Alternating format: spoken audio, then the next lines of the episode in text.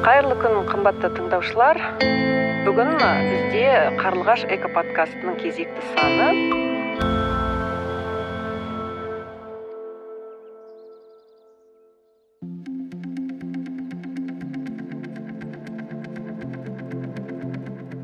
Сәлем достар сәлем қыздар келіншектер.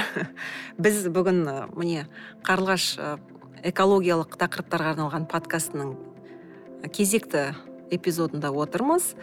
Бүгін менде қонақта назарбаев университетінің түлегі сол университеттің магистрі әсем қалиева.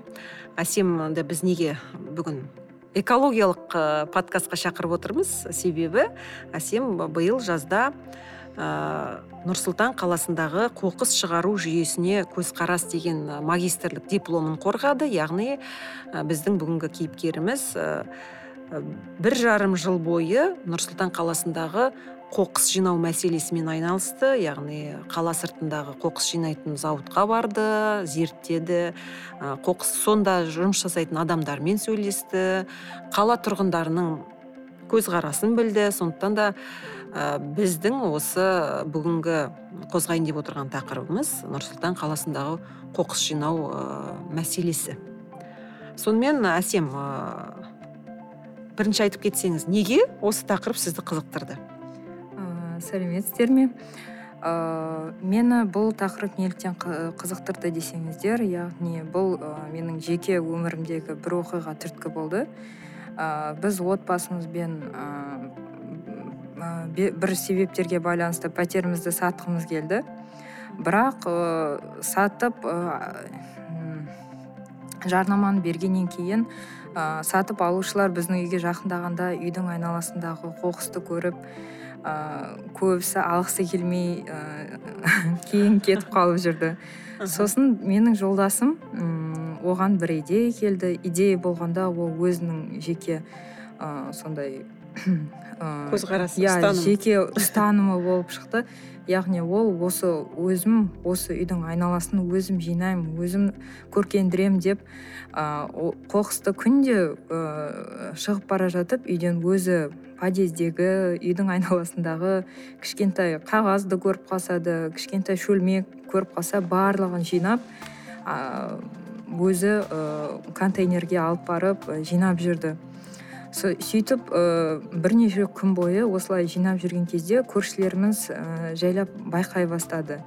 Неліктен біздің подъезд күннен күнге таза болып тұрады. Кеше ғана мына жердегі жатқан қоқыс ол жоқ ы ал кск ондай ешқандай жұмыс жасап жатқан жоқ сияқты деп барлығы таңғала бастайды. Сосын күндердің бір күнінде олар менің жолдасымның солай жинап жүргенін байқайды.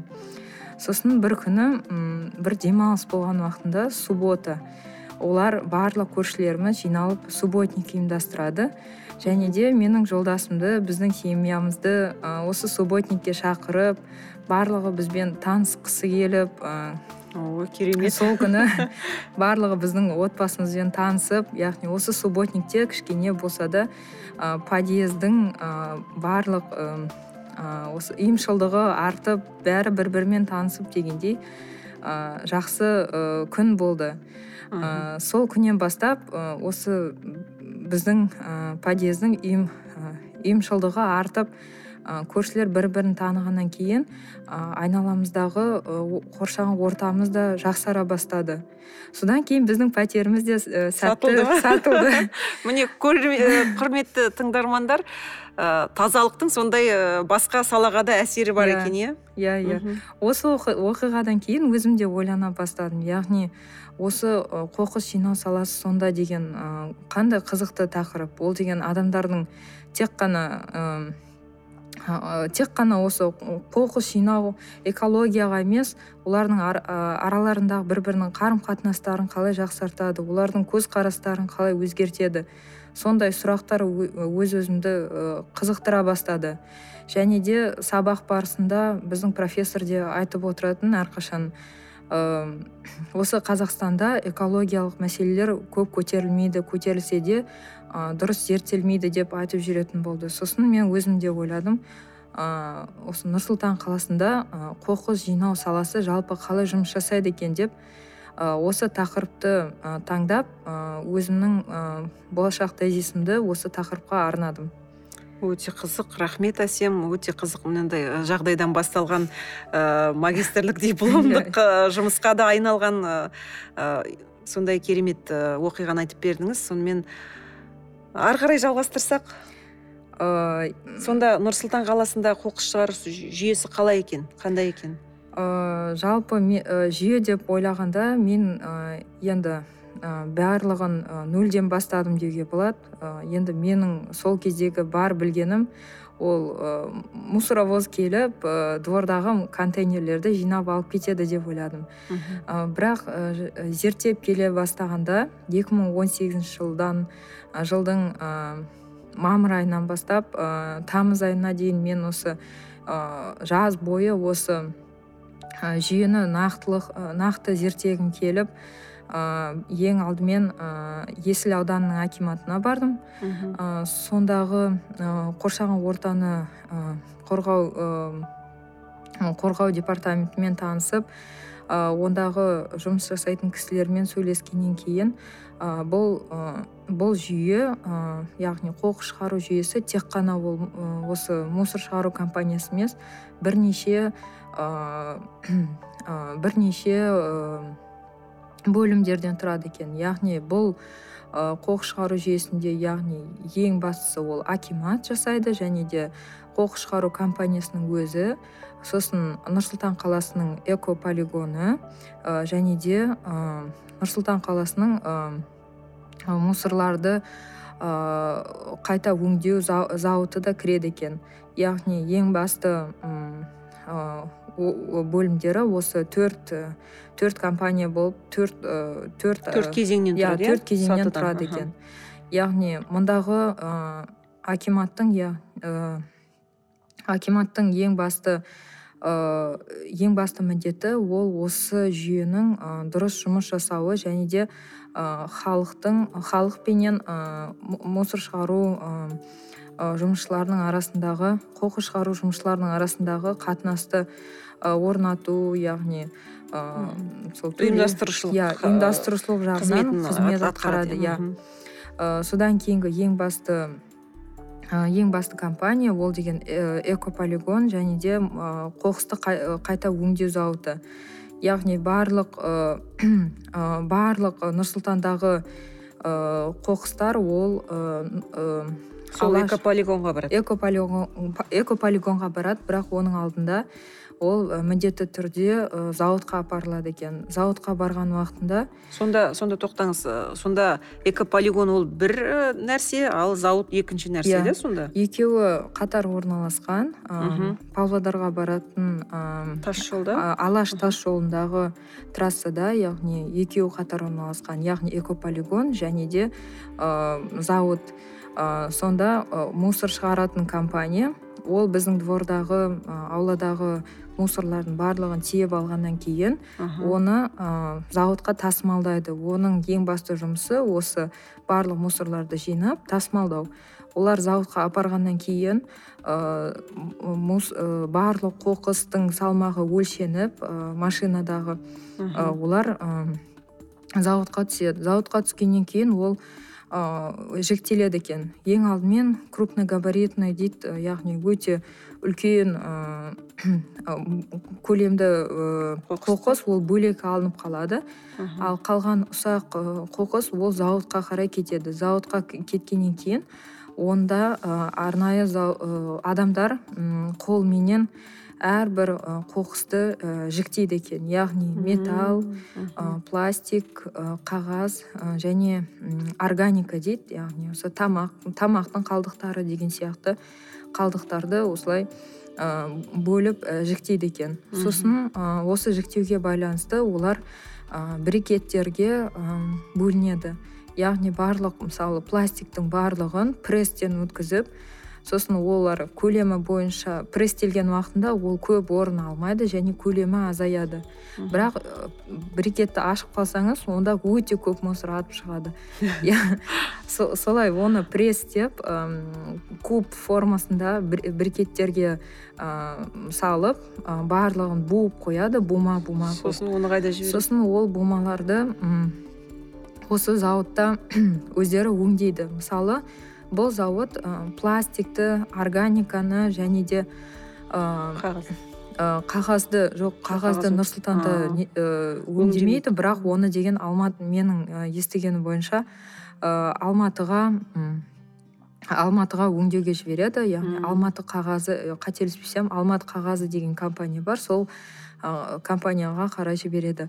Ал пластикті және де органиканы және де ә, электроника дейді. Соны ә, бұл зауыт өздері өңдеп ә, одан басқа да өңделген ә, материалдар алып шығарады. Үм. кейіннен мысалы пластик бутылкалардың барлығын осылай брикеттерге жинап сосын өңдеп шығарғаннан кейін одан ұсақ ұсақ өңделген жаңадан қайтадан өңделген пластик алып шығады.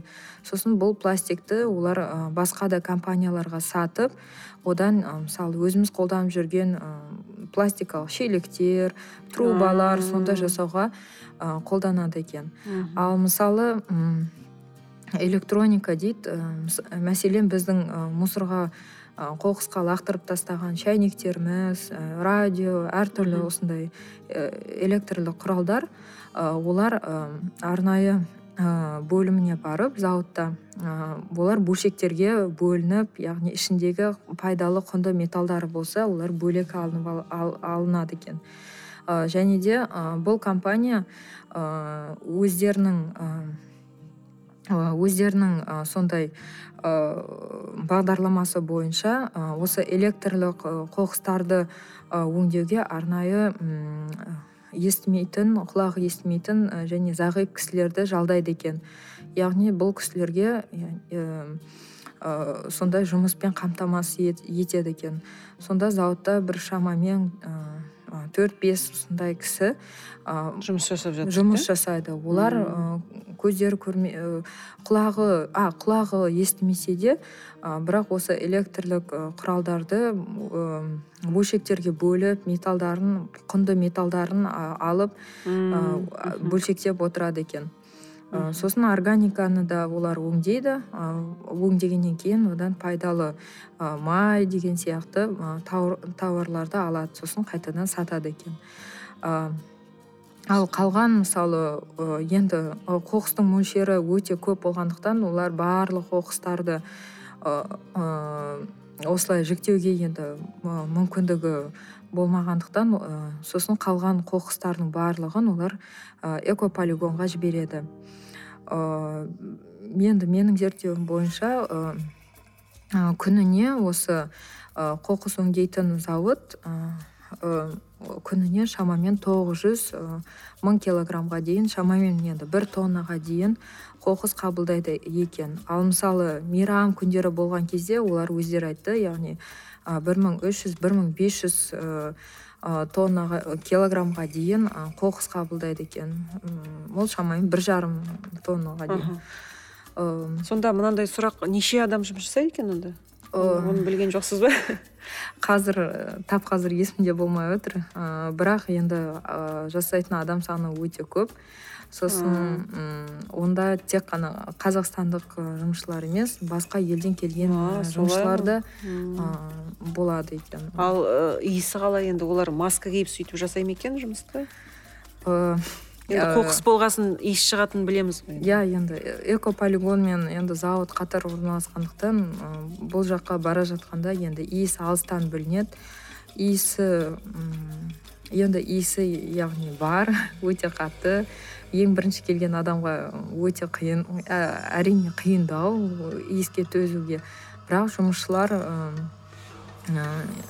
осы зауытты өңдейтін жағындағы жұмысшылар көбіне енді үстерінде халат маска очкимен қолғаптармен жүреді де. Ал мысалы ы зауыттың ішіндегі барлық кісілер өйтіп ы маска киеді деп айта алмаймын. Ал неліктен сіздер маска кимейсіздер ол сіздің денсаулығыңызға зиян етеді ғой өзіңіз де білесіз ғой деп сұрап көрген кезде бізге ол ыңғайсыз мысалы.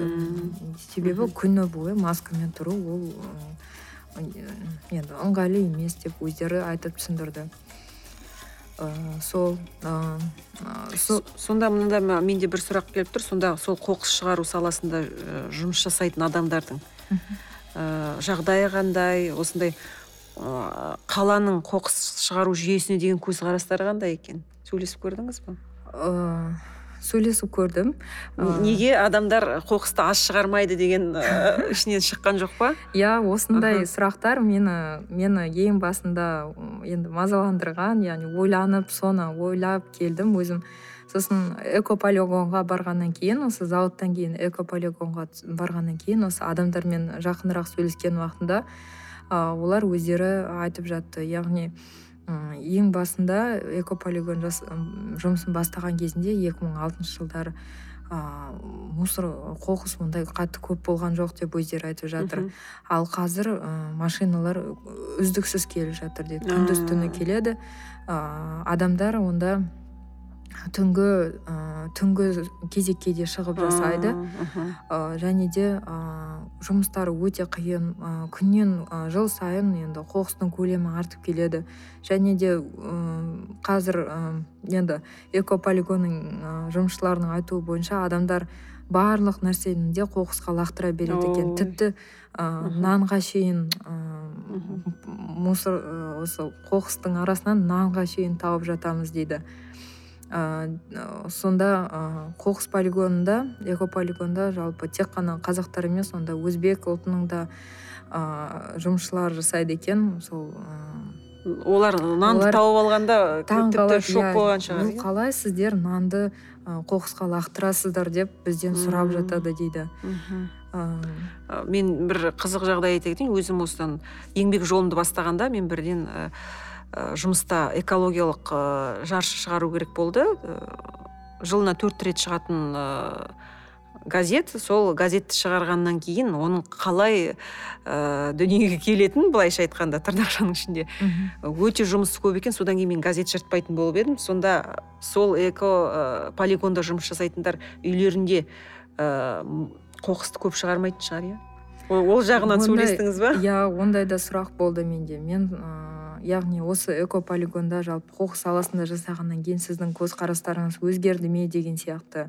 Ыыы енді олар шынына келгенде өздерінің айтуы бойынша ондай қатты әсер етпейтін сияқты. Сонда сондай жерде жұмыс жасаса да бәрібір экологияға деген көзқарастары өзгермеген. ондай өзгермейді иә себебі мүмкін адам күнде жасап көзі үйреніп кеткен иә күнде жасап жүргендіктен оларға бұл ыыы экологиялық проблема ретінде емес ал күнделікті жұмыс ретінде қабылдайтын болар.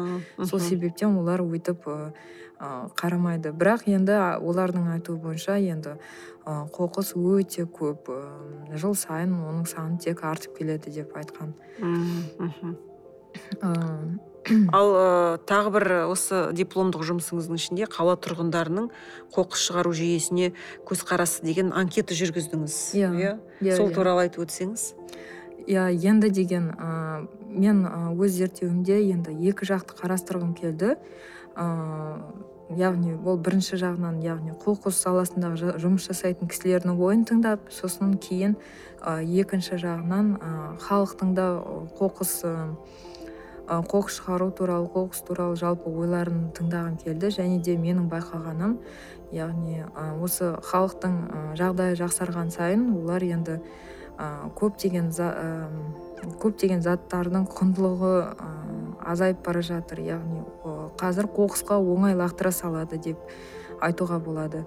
Мәселен жастардың арасында көптеген жаңа идеялар пайда болды. Яғни қоқыс мусор деп айтамыз. Оның барлығы адамды кейін артқа тартады. Оның барлығы қараңғылық оның барлығы адамды дамытпайды деген сияқты.